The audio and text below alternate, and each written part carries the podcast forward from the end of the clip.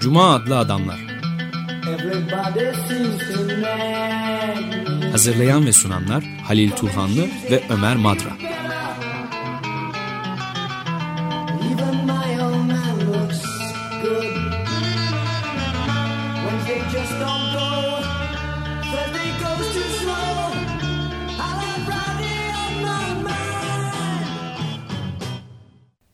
Merhaba Halil, hoş geldin.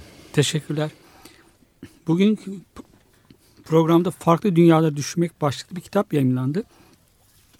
Aslında 2. Moskova Çağdaş Sanat Bienalinin kapsamında yapılmış, gerçekleştirilmiş olan bir, iki oturumda gerçekleştirilmiş olan sam, sempozyuma sunulan tebliğlerden oluşuyor kitap. Ee, çok e, e, önemli düşünürler var. E, farklı disiplinlerden gelen isimler var aslında. E, aynı soruya değişik perspektiflerden yaklaşmaya çalışıyorlar. Farklı dünyalar e, denildiğinde bir dünyanın dışında yaşamakta olduğumuz hayatın dışında da farklı hayatların, dünyaların mümkün olduğunu e, tartışıyorlar. Evet, ve şeyi de söyleyelim değil mi? 2006 ve 2007'de Evet. daha doğrusu 2006 sonu Kasım'ında bir de 2007'nin başında Şubat'ta e, yapılmış iki oturumlu bir sempozyum bu. Evet. E, sanatsal müdahaleler e, mümkün mü? Siyasal olaylara sanatsal müdahalelerle yönlerini değiştirebilir miyiz? Küresel değişimleri gerçekleştirebilir miyiz? Şimdi dünyada iki, birbirine karşıt iki eğilim var. iki gidiş var daha doğrusu. Birisi küreselleşme, bütünleşme, bir homojenleşmeye doğru gidiş. Orada bir, e, oraya doğru bir zorlama ama bunun yanında da kaçınılmaz bir parçalanma var. Hem kimlikler erozyona uğruyor, geçmişteki kimlikler hem de yeni kimlikler oluşturulmaya çalışılıyor. Burada da tabii Sovy- Moskova'da yapılmış olmasının bir başka önemi daha var. Sovyet deneyiminin sonuçları üzerine de düşünüyorlar. Olumlu ya da olumsuz yanlarıyla. Dünyalar ifadesinin çoğul bir ifade kullandıklarını söylemiştik. Ee, farklı felsefe ve düşünce alanlarını akla getiriyor aslında. Ee, burada Lyotard'ın e, o e, büyük anlatılarının parçalanmasından sonra tek bir dünya değil bir birkaç pek çok dünya mümkün olabilecek pek çok dünyanın e, tartışılıyor tartışma konularından bir tanesi bu E, ama sadece bu değil Kant'ın e, o yaptığı bir ayrım vardır. Saf aklın eleştirisi, pratik aklın eleştirisi ve yargı gücü. Bunlar bu böyle bir ayrım yapmış olmakla birlikte Kant e, bunları da birlikte düşünmek gerekiyordu aynı zamanda. Birlikte düşündüğümüzde şöyle bir soruyu da soru, soru ortaya atıyor Binyal'e katılanlar. E, zamanın tam da bu noktasında, belirli bir noktasında bizler kimiz? Bizim kimliklerimiz nedir? Kimliğimiz nedir? Ya da kimliklerimiz nedir? Hı hı. Ve bu kimlikler nasıl oluşur?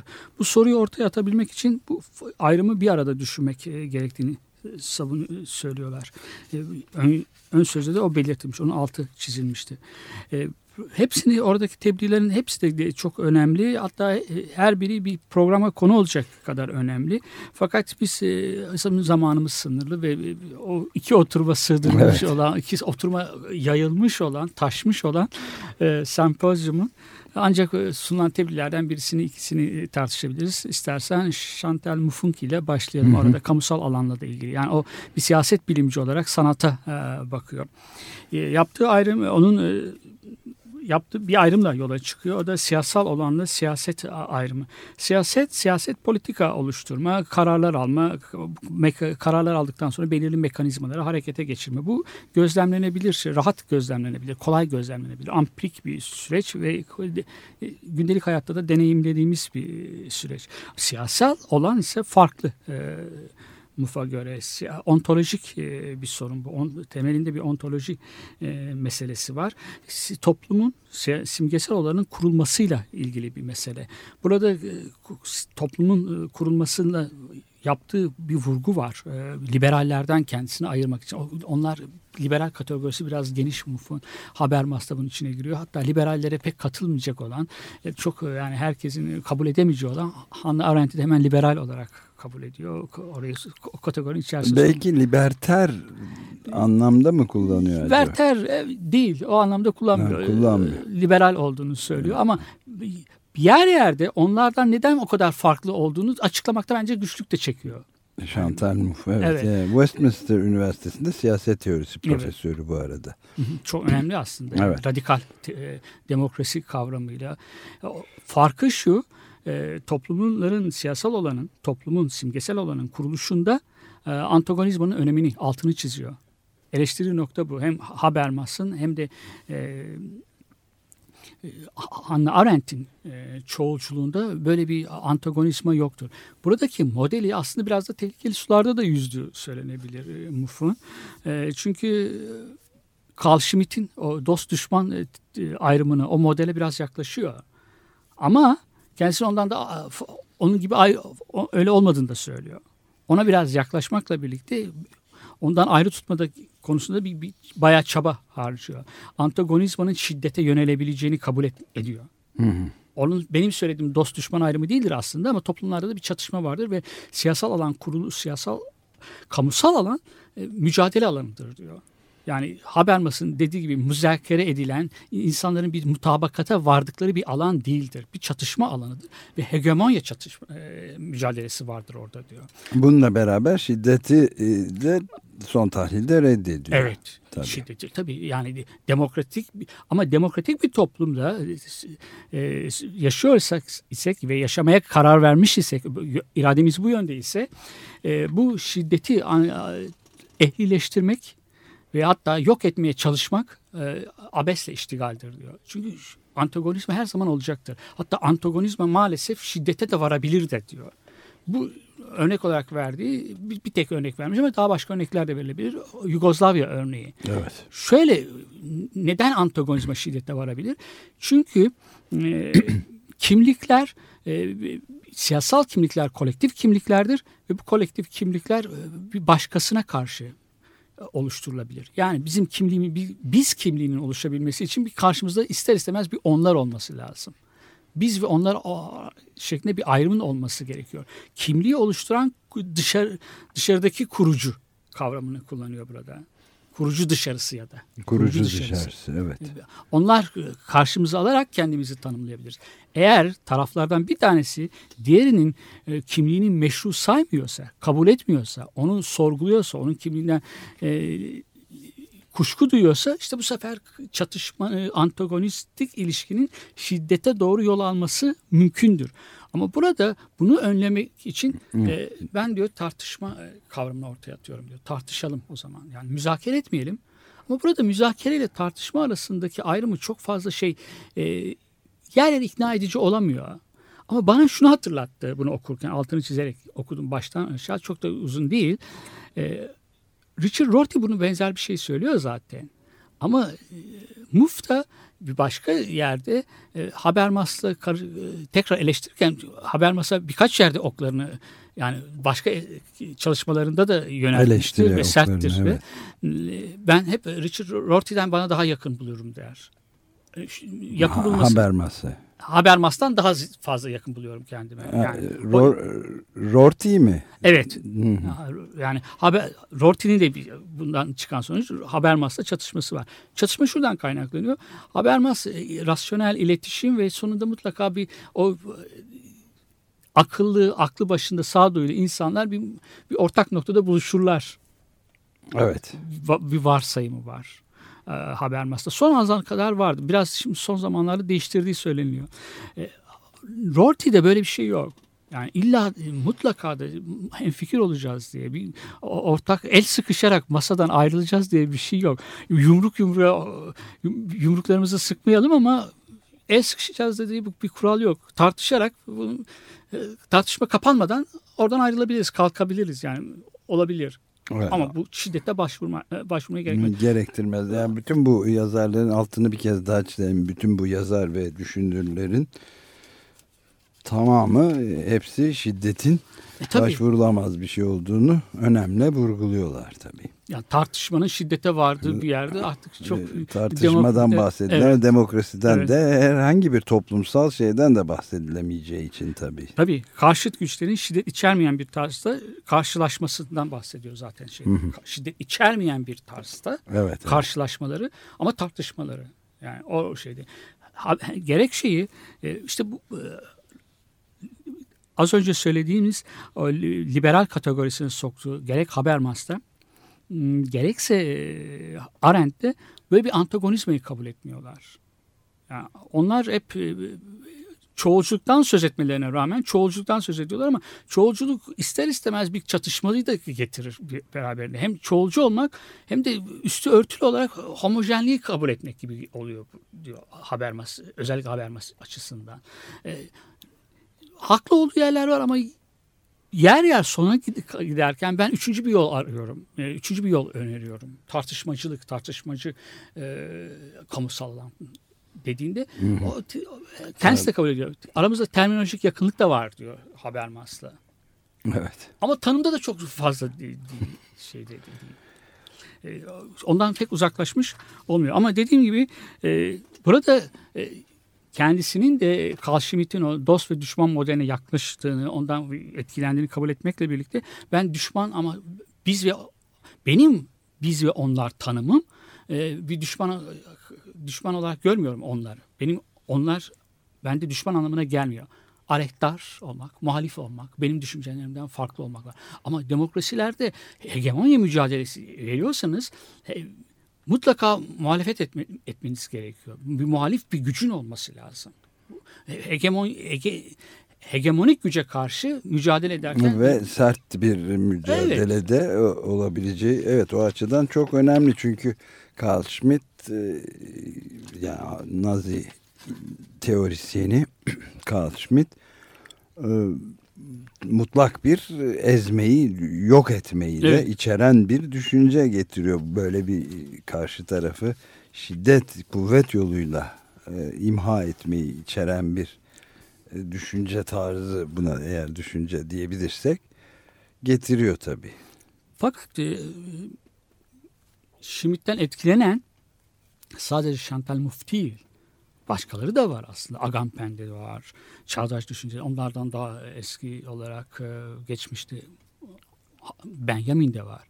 Ama onun onu yorumluyorlar. O biz ve düşman şey. Yani toplum demokratik toplumlarda e, çatışma olur. Çatışmanın altını çizmek bakımından antagonistik ilişkilerin şiddete varmayan antagonistik ilişkilerin, demin söylediği gibi e, şiddet içermeyen bir karşılaşma karşı karşıya gelme. Çatışma, Evet, çatışma. E, demokrasinin olmazsa olmazı aslında. Yani çoğulculuktan bahsedebilmek için bu gerekli. Şimdi a- e, Jacques Rancière'in de vermiş sunmuş olduğu tebliğde de buna ben- son sonuçta son bölümde buna benzer bir şeyler söylüyor o da. E, zorunluluk yasalarından vazgeçmemiz gerekir diyor. Sol melankolide de var bu diyor. Hem sağda hem de solda. Bugün solun tarihsel yasalar olarak uzun müddet savunduğumuz şeyleri bugün oligarşik iktidarı sahip olanlar bizlere karşı savunuyorlar diyor. Tarihin sonunu savunanlar, tarihin sonu geldi. Liberal düzen herkes için geçerlidir, evrenseldir. İnsan haklarını sadece batı temsil ediyor. Bütün bu tezler e, tarihin yasaları vardır. Zorunluluk vardır. Zorunluluk olarak e, geldi e, liberalizme dayandı. Bundan da ötesi yoktur. Başka türlüsünü artık tahayyül dahi edemezsin demeye getiriyor. Evet, Bu- Francis Fukuyama'nın başta olmak üzere pek çok batıdaki bu neoliberalizme yani liberalizmin uç noktaya götüren e, liberalizmi düşünürlerin getirdiği ama artık galiba şimdi eskisi kadar kuvvetle de Fukuyama önce, öncelikle vazgeçti sanıyorum ben. evet Fukuyama'nın kendisi de ben de izlemedim ama böyle bir Zaten e, çok da derinlikli bir düşünür var. de değil. değil evet Ee, stratejist galiba değil mi? evet Ama o 1989 sonrasında o görüşler çok rağbet görmüştü. Evet, e, Rancière'nin söylediği biz bundan vazgeçmeliyiz. Yani zorunluluk yasalarını savunanlar sağ. Bize karşı savunuyorlar. Kendi üzerlerimizdeki tahakkümü meşrulaştırmak için zorunluluk yasalarından söz ediyorlar. E, Onu ısrarla savunuyorlar. Solcular, sol artık bundan vazgeçmesi gerekiyor diyor. Buna zorunluluk yasaları ile mutabakat kavramlarını bir birlikte şey yapıyor. e, düşünüyor. Bunlar ikisi birliktedir diyor. Mutabakattan da vazgeçmeliyiz artık diyor. Evet. Demokraside u- e, uyuşma e, uyuşmazlık yoktu, konsensüs yoktur, uyuşmazlık vardır. Demokrasilerde bölünürler diyor. E, Bu çok e, tabii e, hayati bir nokta bence. İyi ki bunun da bu sıralarda tartışmak için getirmen bu hem bu kitabı hem de bu kitabın içindeki tartışılan düşünürlerin tartıştığı en önemli noktalardan biri olarak bunu getirmen. Çünkü son dönemlerdeki gelişmeler Amerika Birleşik Devletleri'nde artık demokratik diyebileceğimiz yani en demokratik kuralların hukuk devleti, hukukun üstünlüğü habeas corpus da dahil olmak üzere ortadan kaldırılmaya doğru giden müthiş bir güvenlik e, devletinin çok sayıda örneğine rastlanıyor. Asıl tartışılacak olan bu bunları verememek. Yani bütün Amerika'da sayısız insanların izinsiz yargıç şeyi olmadan, izni olmadan, e, icazeti de olmadan e, izlenmesi, dinlenebilmesi internet üzerinden ve çeşitli gelişmiş bu son derece gelişkin teknolojik gelişmelerle izlenmesi konusunda olabilir dediler. Hatta iki Amerikan e, senatörü e, Demokrat Partili yanılmıyorsam e, kaç Amerikalı e, bu yollarla dinleniyor diye bir soru sordular. NSA işte National Security e, bir şey kuruluşu yani ulusal güvenlik kuruluşlarından sayısız olanlardan biri. O cevaben hükümet şey dedi e, açıklayamayız çünkü mahremiyet kişinin hayatı mahremiyet gibi bir gerekçeyle kargaları bile güldürecek evet. bir gerekçeyle ama Orwell'i haklı çıkaran bir durum var. O zaman bu demokratik şeyin korunabilmesi hukuk hukukun üstünlüğünü falan korunabilmesi büsbütün ciddi, şiddetli şiddetli değil de tam tersine e, şiddeti dışarıda bırakmakla beraber çok ciddi bir çatışmayı da içeriyor. Evet. Tabii. Fakat sadece Amerika ile mi sınırlı? Başka e, yerlerde Avrupa'da da e, kıta Avrupa'sında da buna benzer bir eğilim yok mu? Var Amerika, ama Amerika'da benim gördüğüm belirgin. çok belirgin artık ve ön ayak olacak tabii. Yani Britanya'da da çok evet. önemli bu işte kişi numara. Türkiye'de de görüyoruz evet. işte e, kimlik numaralarının Hı her bir taraftaki kameraların adresin sokaklar... mesela adresini bildirmemen cezası var biliyorsun yeni şeylerde. Belediyeye bir emlak vergisi yatırmaya gidiyorsun. Orada karşıda bir uyarıyla karşılaşıyorsun. E, adres değişikliklerinizi şu gün içerisinde 20 gün içerisinde belki evet. daha fazla bildirmediğiniz takdirde şöyle bir cezası vardır diyor. Şimdi insan taşın taşınmanın bir yerden bir yere hareket etme özgürlüğünü var. Her şeyin ya bu küçük ayrıntıymış gibi görüyor. Hiç değil tabii. Yani düşünemiyorsun ama orada hemen sana bir uyarı var. Yani yaptığın e, bütün görüşmeler, bütün e, iş ya da dostluk görüşmeleri filan artık her şeyin kontrol altında olduğu ve hatta bu KCK hı hı. operasyonları ile beraber artık bunun e, hat safhada bir hukuksuzluğu içeri yani bir kanun devleti hı. haline hukuk değil bir kanun yargıç devleti evet. filan haline getireme eğiliminde olduğu söylenebilir. Yani tabii ki e, sadece Amerika en bu işlerin evet. öncüsü, ilk örneği evet. ve her zaman olduğu gibi önde giden örneği olduğu olması açısından önemli ama yoksa tabii ki bütün dünyada da çeşitli derecelerde var. Tabii şeyleri hiç saymıyorum. Diktatörlükleri, evet. otokratik ülkeleri, Çin durumlarını filan hiç saymıyorum ama mesela e, Arundhati Roy'un son son 5-6 yazısı Hindistan'daki durumun da tamamen Amerika'nın izinden evet. gittiği ve ciddi bir otoriter hatta totaliterliğe doğru gittiğini büyük şirketlerin evet. emrinde bir şey olduğunu söylüyor. Evet böyle bir mücadele sertleşiyor zaten. Evet.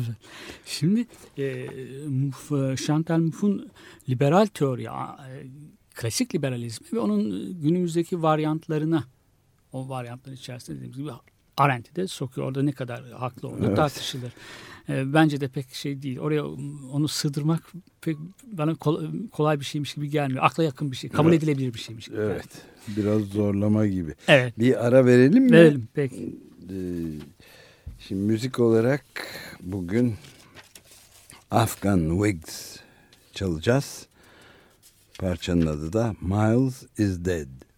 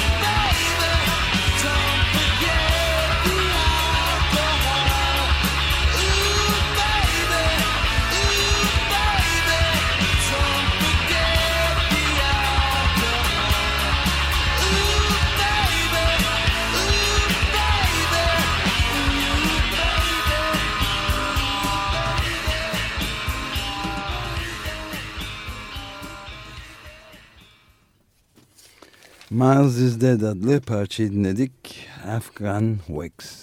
Nasıl tam telaffuz ediliyor kestiremedim ama Afghan Wax diye söylesek doğru olur herhalde. Evet bir elimizde bir derleme var. Metis defterlerinden, Metis yayınlarından yeni yayımlanan bir kitap. Onun üzerinden konuşuyoruz. İlk basımı Mayıs 2012'de yapılan çok e, oldukça yakın bir zaman önce yapılan e, Metis Defterleri dizisinden Farklı Dünyaları Düşünmek adlı bir derleme bu. Alt başlığı da felsefe, siyaset ve sanat için Moskova konferansı. Bunu hazırlayanlar Joseph Backstein, Daniel Birnbaum ve Sven Olof Wallenstein. Türkçe'ye aktaran da Emine Ayhan. Bu oldukça e, önemli yankı ve ses getirmiş olan e, ikinci Moskova Çağdaş Sanat Bienali kapsamında düzenlenmiş. işte adını da kitaba da veren Farklı Dünyaları Düşünmek başlıklı sempozyumda sunulan bildiriler. iki oturumlu bunlar. İlk oturumu Kasım 2006'da. İkincisi de Şubat, Şubat'ta 2007 başında TSUM alışveriş merkezinde düzenlenmiş ve işte felsefe, siyaset ve sanatın buluşma noktaları o vesaire. Bu çok önemli düşünürlerin hakikaten yer aldığı, siyaset bilimcilerin düşünürlerin yer aldığı bir şeyde biz Chantal Mouf'un tebliğ üzerinden birazcık tartışma fırsatı bulduk Halil Turhanlı ile birlikte tartışmacı kamusal olanlar, demokratik siyaset ve tutkuların dinamiği başlığını taşıyan bir tebliğinden bahsediyoruz. Evet. E, kimliklerin, siyasal kimliklerin sonuçta kolektif kimlikler olduklarını söylüyor Chantal Mouffe ve bu kimliğin ancak e, öteki algısıyla birlikte e, ulaşabileceğini, öteki algısı Evet. siyasal kimliğin oluşmasının ön koşulu. Karşımızda bizden farklı algıladığımız birileri olması gerekir. Ama demokratik bilinci, demokratik değerleri içselleştirmiş insanlar o farklıları düşman olarak görmezler. Kendi düşüncelerinden farklı düşünen kişilerdir onlar. Onlarla tartışırlar. Ee, şiddetle yani e, şiddetli tartışırlar. Ee, sonuna kadar tartışırlar. Mutabakata varmazlar ama tartışırlar. Ama tartışmanın şiddeti ne olursa olsun onları düşman olarak görmezler. Düşman olarak görmezler derken fiziki şiddete asla başvurmazlar anlamına geliyor bu da. Şimdi bunu böyle tanım bu e, siyasal olanı ve siyasal, siyasal olanın e, toplumun kurumlarının kuruluşunu böyle tanımlarsak ve hege, böyle bir hegemonya mücadelesi olarak tanımlarsak kamusal alanda bir e, tartışma hegemonya mücadelesinin süre geldiği süre sürdüğü bir tartışma alanı olarak e, gör- görüyoruz burada. Şimdi çoğulculuk e, Chantal Mouffe'da biz ve onlar ayrımının tanınmasını gerektiriyor. Biz ve onlar ayrımına dayanıyor. Liberallerin e, eleştirdiği noktası şu. Klasik liberaller onlar tartışmış e, çatışmayı ekonomik çıkarların çatışmasından ibaret geliyorlar. Şeyde. Evet. Onlar için kamusal alan yok da e, ikinci planda. Tali. Onlar için önemli olan piyasa. Piyasa ile kamusal alan farklı şeyler. Piyasada ekonomik çıkarlar çatışabiliyor. Uzlaşıyor.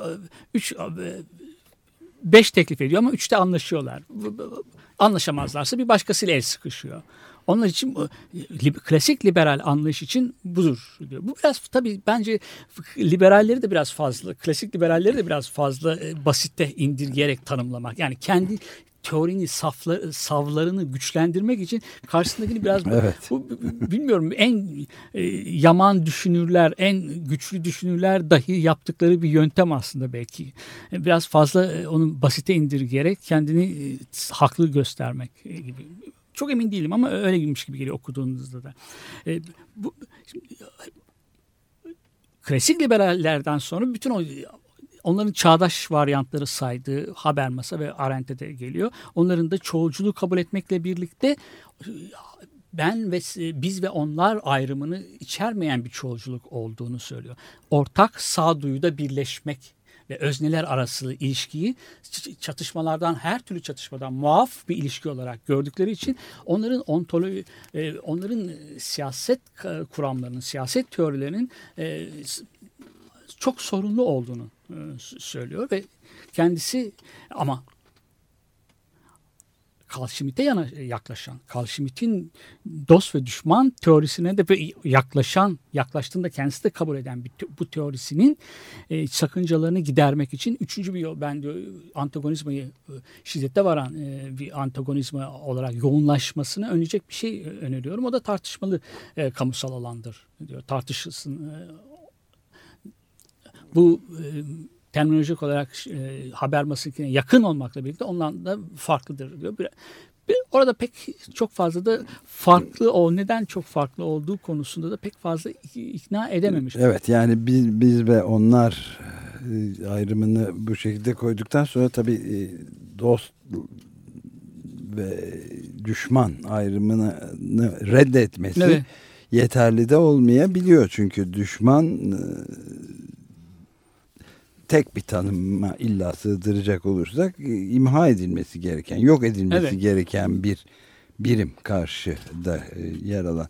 Şimdi biz ve onlardan tabii düşmana, dost ve düşmana, biz ve düşmana e, indirgemek belki o kadar fazla indirgemecilik olur ama bunun da tehlikeli bir ayrım olduğunu da kabul etmek lazım herhalde. Bir tane Etmemiz- verdiği Yugoslavya örneği vardı ama daha bu örnekler çoğaltılabilir.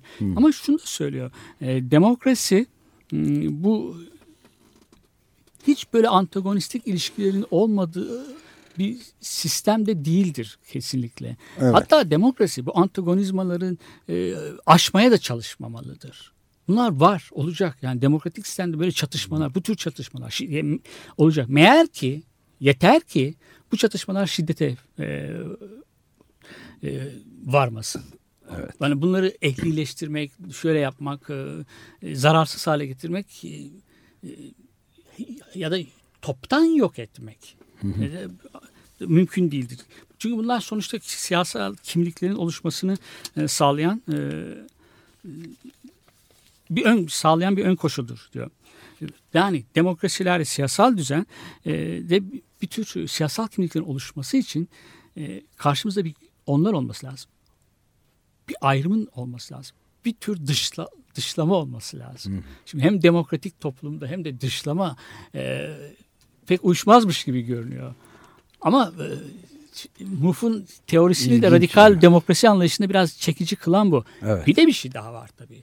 E, Ne Habermas'ta rasyonel e, iletişimi söyle- düşünüyor Habermas. Çok akılcı, ak- kendi çıkarlarını e, klasik liberal gibi değil de akılcı, rasyonel. e, Evet. Akılcı bir söylem geliştirebilen, ideal bir iletişimi kurabilen öznelerden söz ediyor Habermas. Aynı şekilde e, Arendt'i de suçluyor. Suçladığı şu, bir noksanlıktan söz ediyor onlar. Tutkular. Evet onu Tutkuları- soracaktım. Tutkuların dinamiği diyor çünkü. Evet, ne demek tutkuların, tutkuların, tutkuların dinamiği? dinamiği tarafların birbirleriyle özdeşleşmeleri demek tutku. Arzu, tutku yani birbirlerini çekmeleri, bir ko- kolektif ol- olmaları için e, bir grubun e, arasında bir- onu bir arada tutan tutkudur. Tutku. Tutku niye bu kadar şey yapıyor? Özden daha iyi tutku çünkü. Yani onları e, ortak bir geçmişleri özde onları birleştiren bir tözün, bir özün olmasından onları birleştiren bir tutkunun olması, arzuların olması, duyguların onları bir araya getirmesi daha e, tercihi Fakat e, yine bir aradaki farkı da pek açıklayamıyor gene. Yani arzular da tutkular da e, kör bir kalabalık haline getirebilir insanları. Yani karşındakini dı- dı- dışlarsın da e, muhalif olarak görmekten de vazgeçebilirsin artık. Daha ileri düşman olarak da görebilirsin de yani. O tutkular da düşman olarak gör- gösterebilir bir insanı. Ka- karşındaki onlar dediğin o karşı kitleyi. O tutkular da gösterebilir. Evet, evet doğru. Ee, yani hem ilginç yönleri var. Daha önceki mesela Demokrasinin Paradoksu kitabında da ileri sürdüğü e, tezlerin aslında bir tekrar bir özetlenmesi niteliğinde e, sayabiliriz bunu. Evet, ama dediğim gibi onun tezlerinde eleştir, en az eleştirdiği Habermas kadar ve hatta ve tabii ki Arendt'in tezleri kadar e, hatta çok daha fazla Arendt'in söz konusu olduğunda Yani tartışmalı. Evet Hannah Arendt'i nasıl liberal kategori yani tabii ki kategorisine nasıl soktuğunu insan e, Şimdi liberal düşünüyor ama tabii ki hem provokatif evet hem de mutlaka altını da doldurma yolunda mantıksal olarak e, epey çabada gösteriyordur E, yani. Gösteriyor. Evet tabii göster göstermesi gerekiyor. Yani nereden baktığına, nasıl okuduğuna bağlı. Bağlı evet. Hannah Arendt'i konsey komünisti de sayabilirsin. Evet. 1956 Macar e, devrimiyle e, ilgili söylediklerini dikkate alırsan, Rosa Luxemburg'la ilgili gözlemlerini, söyledi tezlerini, düşüncelerini dikkate alırsan, e, ana, e, senin de söylediğin gibi liberter sol da sayabilirsin ki bence e, ona da yakın. Evet, Hatta- ben de öyle düşünüyorum. Yani, Yani, şey. Yahudi olarak Parya düşüncesinden kalkarak e, geliştirdiği tezler anarşistan da sayabiliriz. Anarşist değilse de. Anarşistan da sayabiliriz. Özgürlükçü bir solun içerisinde koyabiliriz ki bence ona çok müsait de görünüyor. Yani e, A- A- Arendt'le ilgili algının değiştiğini söylemişti e, Fatma Gül Berktay. E, Algı bu yönde bir algı değişikliği de var. Yani doğa onu sola e, pek yaklaştırmamışlardı. Soğuk savaşın içerisinde görmüşlerdi. Öyle göstermeye çalışmışlardı ve büyük bir haksızlık yapmışlardı. Ama şimdi e, giderek e, dediğimiz gibi o dediğimiz gibi o konsey komünistlerine falan bayağı yaklaşan bir e, Hannah Arendt yorumu da var. Evet. Burada e, sunulan bir ilginç e, tebliğler tebliğlerden biri de Boris Groys'a ait. O da Avrupa öteki e, Avrupa ve ötekiler başlıklı bir tebliğ sunmuş. Avrupa'nın e, sanat anlayışını, insan hakları anlayışını, e, o hem evrensel saymak insan haklarını hem de Avrupa'ya özgü değerler saymanın getirdiği çelişkiler üzerine durmuş. İlginç bir tebliğ sunmuş. İnsan haklarının Avrupa İnsan Hakları'ndan bahsederken genellikle daha doğrusu Avrupa Birliği'ni savunanlar Avrupa'nın ekonomik bir birlik olmadığını, ekonomik bir birlikten ibaret olmadığını, bir kültürel değerler toplamı olduğunu söylüyorlar. Bu e, kültürel değerlerin başında insan hakları, demokrasi, hoşgörü, ötekilerin kültürüne, e, geleneklerine karşı hoşgörü gibi e, değerler yer alıyor bunun içerisinde. Fakat bu e, Avrupa'ya özgü değerlerden, Avrupa özgü bir kültürel kimliğinden, Avrupa'nın kültürel kimliğinden söz etmenin aynı zamanda Avrupa'nın sınırlarını çizmek anlamına geliyor. Yani bu kültürel kimliğin yoksa e, Avrupa'nın kapıları vardır ve bu kapıdan sen içeriye giremezsin demek. Ama aynı zamanda bu kültürellerin evrensel olduğunu sö- söylersen e, e, hem Avrupa'ya özgü Avrupa bunları Avrupa'nın dışındakiler bu insani değerlerin hümanizmanın hümanizmanın getirdiği değerlerin benimsememiş, onlardan yoksun olan insanlar. Yani gayri insani değerlere sahip, kültüre sahip insanlar. Bir de burada hem Avrupa'nın sınırlarını çiziyorsun. Avrupa'nın sınırları vardır. Herkes Avrupalı olamaz diyorsun. Avrupa'ya kapısından içeri girdiğinde de e, yıllarca Avrupa'da yaşasa Avrupalı olamaz demek istiyorsun. Avrupa toplumuna sen giremezsin. Ama aynı zamanda da evrensel olduğunu söylüyorsun bu şeylerin. e, değerlerin. Bu sefer kendini o evrensel değerleri yayma. Bunlar ki bunlar insani değerler olduğuna göre bunları yayma misyonunu Misyonu, veriyorsun. evet. Burada hem e, bir tecrit, soyutlanma, kendini kapılarını kapama hem de bir bu, değerleri ihraç etme. e, bir çelişkisi var Avrupa'nın diyor. Avrupa bir ötekinden e, hep ama Avrupa sanatı da e, buna bir panzi, bunun bir çaresini bulmuştur diyor. Biraz ilginç bir şey söylüyor orada. Sanat, hümanizma insanı araç değil de amaç e, olarak görmüştür hep. Hümanizmanın gerçekten de böyledir. Yani o şöyle Avrupa'nın bu değerleri sahiplenmesinde bir gerçeklik payı var. Var tabii. Bir gerçeklik payı var. Gayet Ama tabii. bunu kendisi bu değerleri kendisini başkalarına ayırt etmek için artık vurgulamamalı diyor Boris Groys'un ki.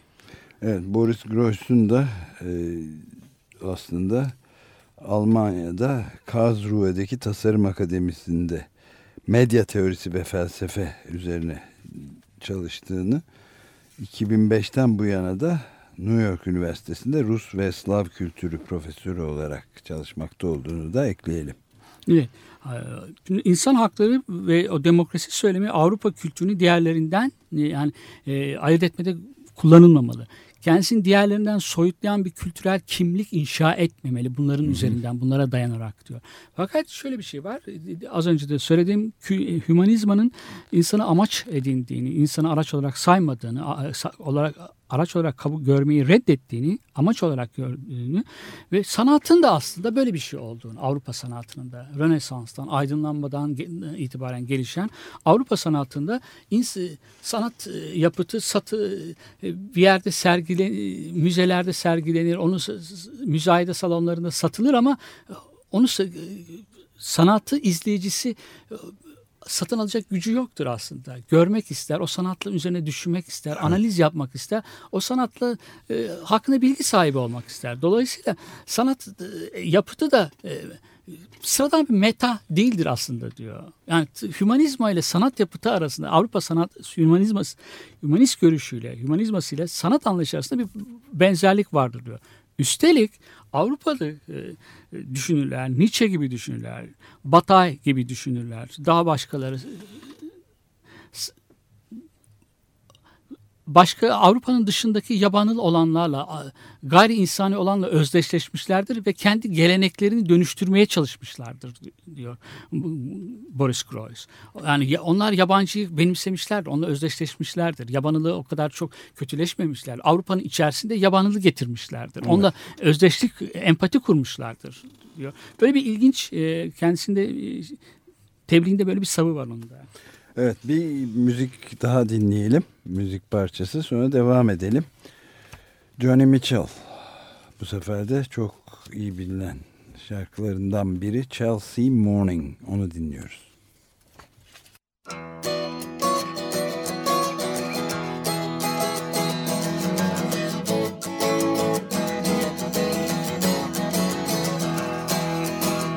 Woke up, it was a Chelsea morning, and the first thing that I heard was a song outside my window, and the traffic wrote the words.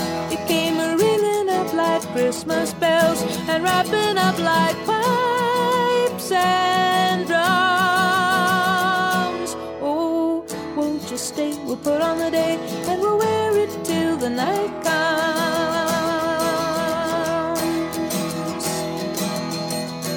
Up, it was a Chelsea morning, and the first thing that I saw was the sun through yellow curtains and a rainbow on the wall. The red, green, and gold to welcome you, crimson crystal beads to beckon. Oh, won't you stay? We'll put on a day. There's a sun show every second.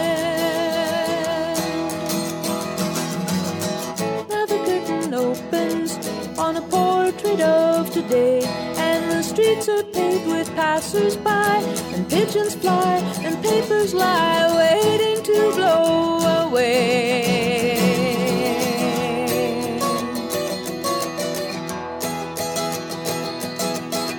Woke up, it was a Chelsea morning, and the first thing that I knew, there was milk and toast and honey, and too.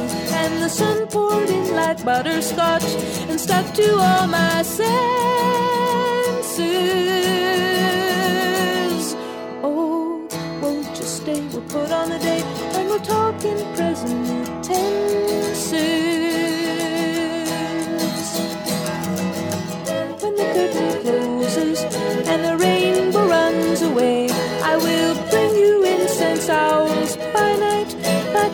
candlelight, by jewellight, if only you will stay.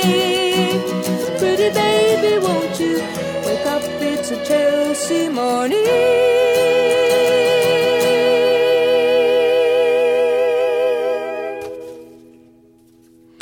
Chelsea Morning Johnny Mitchell'den dinledik ve devam ediyor programımız programımız e, Cuma adlı adamlar Halil Turhanlı ile ben Deniz Ömer Madra bugünkü programda Açık Radyo'da 94.9'da Farklı Dünyaları Düşünmek adlı Metis defterlerinden, Metis yayınlarından yeni yayınlanan bir e, sempozyum derlemesi sunulan te tebliğler üzerinde felsefe, siyaset ve sanat için Moskova konferansı. Bunu hazırlayanlar da Joseph Backstein, Backstein ya da Daniel Birnbaum ve Sven Olof Wallenstein.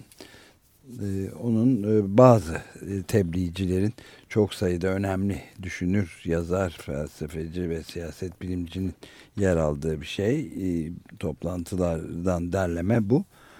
2006 ve 2007 yıllarında gerçekleşmiş Moskova'da iki ayrı oturum olarak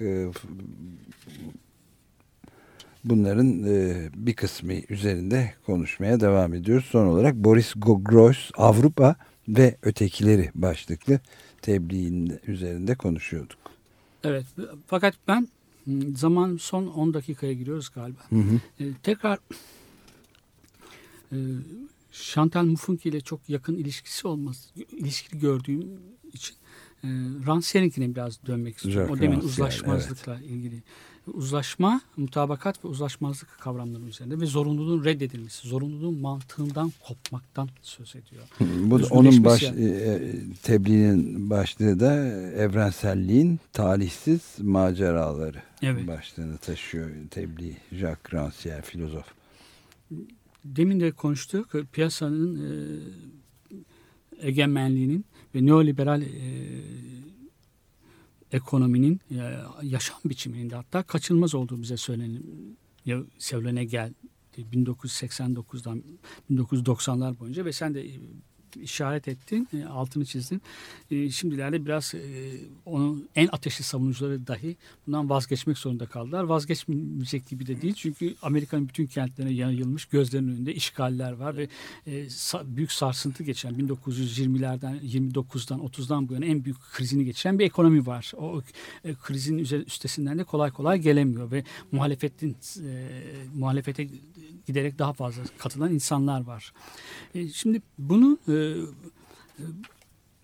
ama uzun zaman da ısrar ettiler. Yani piyasanın e, evrensel olduğunu ve kaçınılmaz olduğunu, zorunluluk olduğunu. İşte bu Hatta neredeyse genetik yani Evet. insan e, kapitalist olarak doğar gibi Evet. e, piyasa, serbest piyasa. kaçınılmaz bir şey. e, Buna gen- genlerine yazılıdır gibi de bir e, neredeyse biyolojik bir e, ya sosyal evrimcilik sosyal darwinizm şeyi bile getirecek kadar ileri giden görüşler var ki saçmalık diyebiliriz ancak. Alternatifi yok. Evet. Yani İşte bu zor, solun da e, tarihin yasaları bağlamında uzun müddet kullanıldık. Kaçınılmaz bir zaferi vardır. Evet. e, ezilenlerin bu anlayışı. Bunu da e, maalesef terk etmemiz gerekiyor. Çünkü aynı mantığın iki e, farklı Tabii madalyonun öteki tarafına varıyoruz ve aynı derecede yenilgiyi de getirebilecek yenilgiyi yıkım getirir, getir- teslimiyeti getirir. teslimiyeti de yıkımı da getirebilecek bir şey evet. Ve getirdi de aslında yani biraz geri çekilmeyi, biraz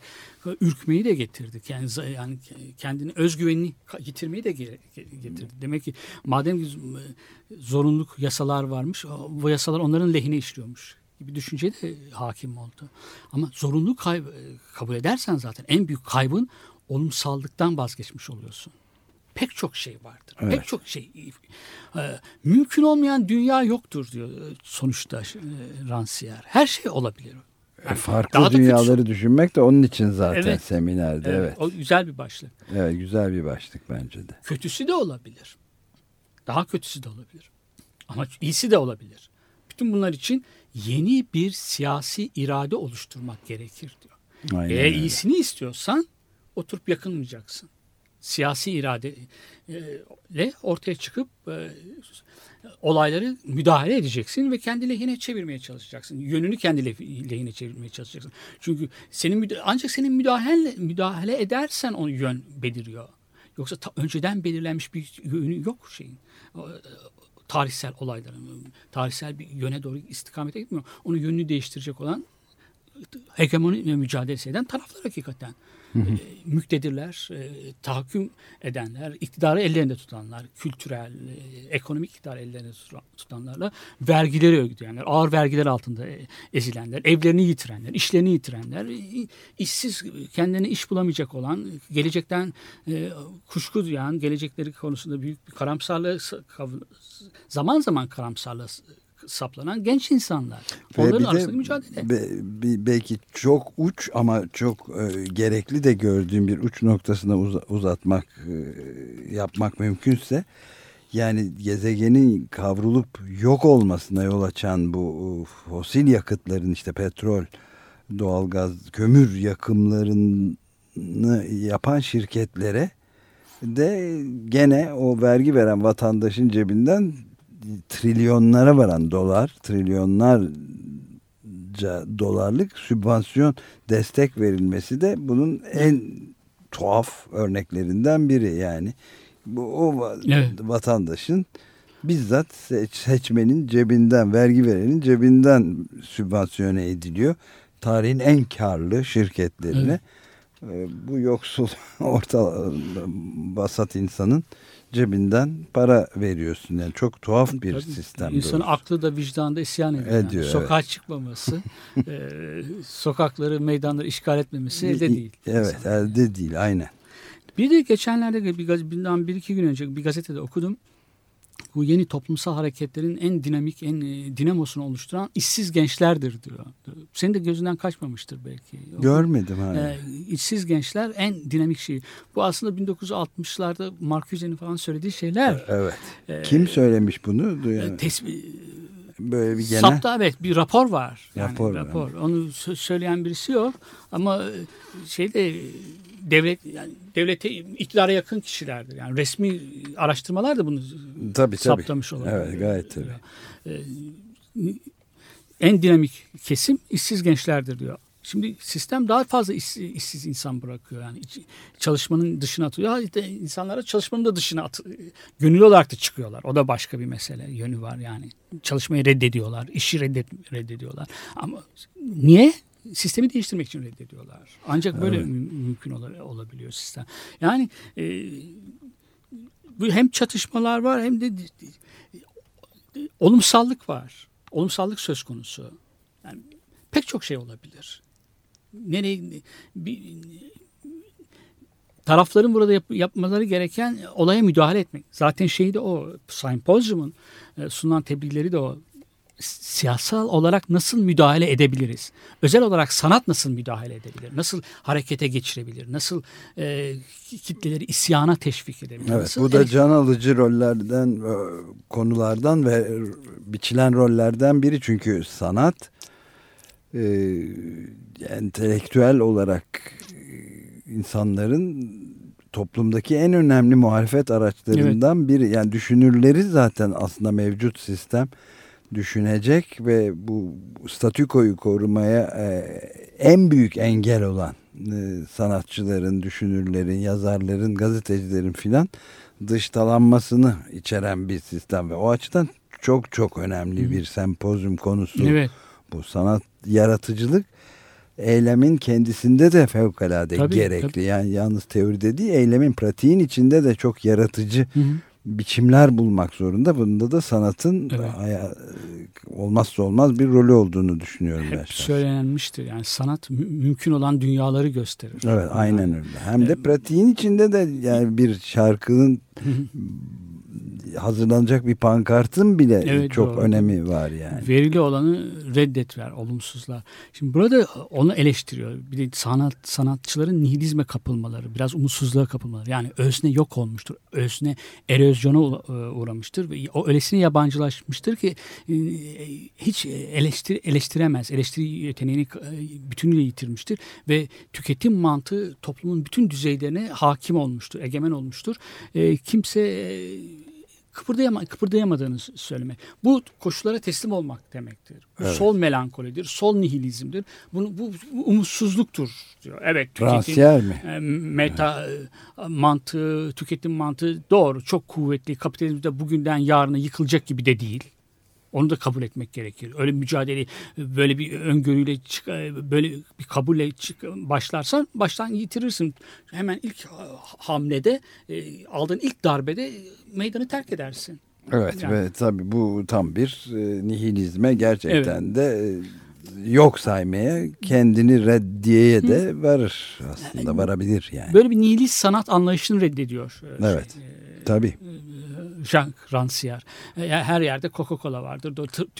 Kredi kartları var. E doğru vardır. Herkesin cebinde var. Her yerde her- herkes Coca-Cola içiyor ama bu insanlar bütün teslim olmalarının da şeyi değil. E, teslim olmalarını da gerektirmiyor. Her umut da var yani. Mücadele de etmeleri gerekiyor. Uyuşmazlık çıkarmaları gerekiyor insanların. Belli mutabakat dediği zaten e, insanların belirli bir gerçeğin etraf bir, e, uyuşmazlık çözmek değildir aslında mutabakat. Yap, çok daha fazlasıdır. Belirli bir gerçekliğin, verili olan gerçekliğin çevresinde insanları bir araya getirmektir. Ama solun yapması gereken burada bir bölünme yaratmaktır. Bir uyuşmazlık yaratmaktır. O homojen toplumu ikiye bölmektir. Da, mümkünse daha fazla sayıya bölmektir. Ama muhalifler yaratmaktır ve toplumun düz- kurulu düzene karşı muhalefet edecek e, kitleler yaratmaktır. Yani öznede çok ölmüş, bütünüyle e, yok olmuş da değil işte meydanlardaki insanlar. Evet can alıcı noktalardan bir diğeri de bu Ee, çok önemli altını çizmemiz gereken artık sürede bitiyor ama bir tek cümleyle e, şey yapayım.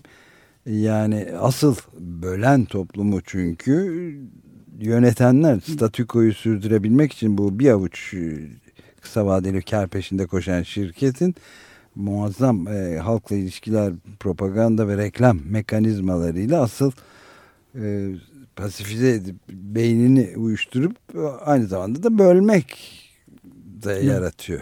Bir şey daha Bölmeyi bir- de yaratanlar onlar. Bitiyoruz. Bir Evet. şey daha söyleyeyim. Mutabakat dediğimiz diyor Rancière duyularda, algılarda ve anlamlarda bir ortaklık yaratmaktır. Uyuşma yaratmaktır. Bir şeyi herkes aynı görsün. Aynı kavra, kavrayışı görürse o, onun gerçekliğinden kuşku duymaz. Artık orada ona itiraz da etmez. Oysa sanat bu anlamda algıda farklılık yaratmaktır. Herkesin farklı biçimde görmesini sağlamaktır. Şeyin e, bir Wallace Stevens'ın o şiiri çok aklıma geliyor. Mavi gitarlı adam e, e, Picasso'nun tablosuna bakar. tablosu, Mavi evet. gitarlı adamın farklı bak bakmayı o gitardan sözü farklı sesler duymak, farklı bakmaktan. Sanatın anlamı budur. Anlam birliğini bozmak, algı birliğini bozmak. Herkes bir, bir konuda hem fikir olmasın. Yoksa muhalefet olmaz. Evet muhalefet var ve toplum da ölür aslında. Yani, Demokrasi yani şu Demokrasinin ölmesi toplumun da ölmesi anlamına gelir aslında. İstersen şöyle bağlayalım. Asırlar önce John Milton'ın söylediği gibi e, Cromwell'in açtığı parlamentoda e, çıkıp e, politik risalelere karşı sansürü sansürlenmesine karşı verdiği yazdığı ya- şeyden bahsetmiştik bir Evet, kendi evet. risa- risalesinden. Yani demo, tartışılmazsa durgun suya benzer bir toplum diyor. Durgun su pistir, kokar. Ve biter. Demokrasinin bundan daha iyi bir tanımı olamaz. Evet. Asırlar önce savunulmuş bir demokrasi anlayışıdır. Ta evet 17. yüzyılda falan değil mi? Evet. Evet bugün de bu şekilde bitiriyoruz herhalde Ee, programımızı farklı dünyaları düşünmek üzerine bir sempozyumdan Moskova konferansından felsefe, siyaset ve sanat üzerine konuşmaya çalıştık. Halil Turhanlı ile bir kitap üzerinden ve bitirirken de The Sea and Cake'ten dinleyeceğimiz Jockeying the Ball adlı parçayla bitiriyoruz. Hepinize günaydın.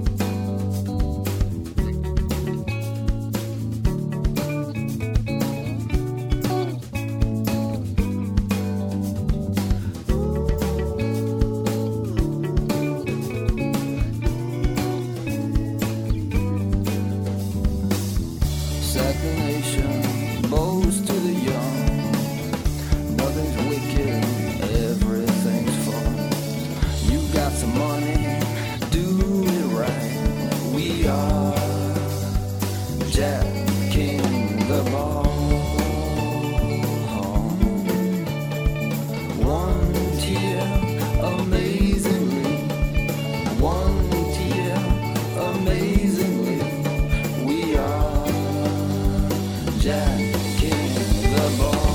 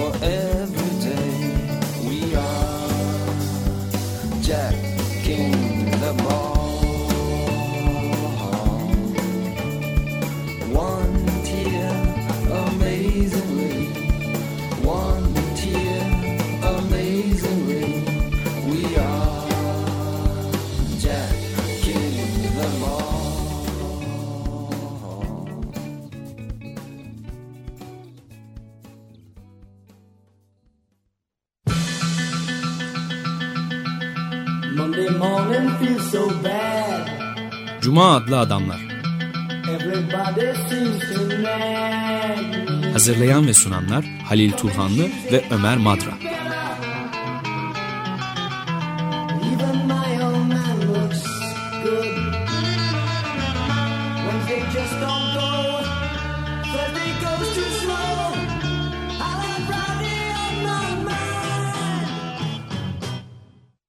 Açık Radyo program destekçisi olun. Bir veya daha fazla programa destek olmak için 212 alan koduyla 343 41 41